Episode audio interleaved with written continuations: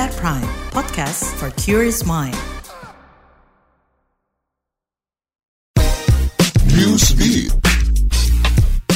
Konferensi tingkat tinggi iklim telah berakhir. Delegasi dari hampir 200 negara setuju mulai mengurangi konsumsi bahan bakar fosil untuk mencegah dampak buruk perubahan iklim. Mereka akhirnya menyepakati putusan untuk bertransisi dari bahan bakar fosil ke dalam sistem energi dengan cara yang adil, bertahap, dan merata hingga dapat mencapai nol emisi pada 2050 sesuai dengan sains. Sebelumnya, perundingan KTT berjalan alot hingga memasuki perpanjangan waktu, hingga akhirnya tercapailah kesepakatan tersebut. Berdasarkan analisis situs Hawaiian Islands, Menara Eiffel Paris jadi destinasi wisata dengan jumlah keluhan paling banyak di antara 100 destinasi wisata populer dunia. Analisis dilakukan terhadap 10,74 juta ulasan di TripAdvisor untuk 100 objek wisata favorit wisatawan teratas di setiap negara.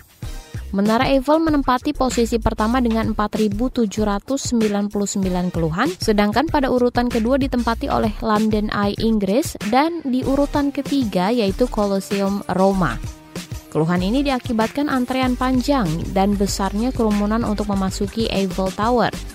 Oleh karena itu, untuk menghindari antrean panjang, para pengunjung disarankan untuk memesan tiket secara online dari jauh-jauh hari atau menggunakan jasa tour travel bebas antre.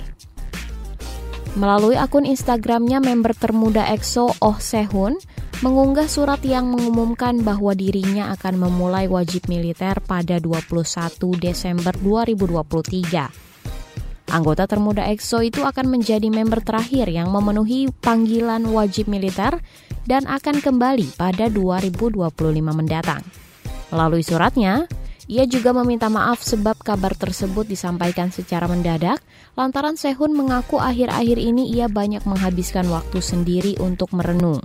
Alhasil, dirinya belum bisa menyampaikan kabar Wamil secara langsung kepada penggemarnya.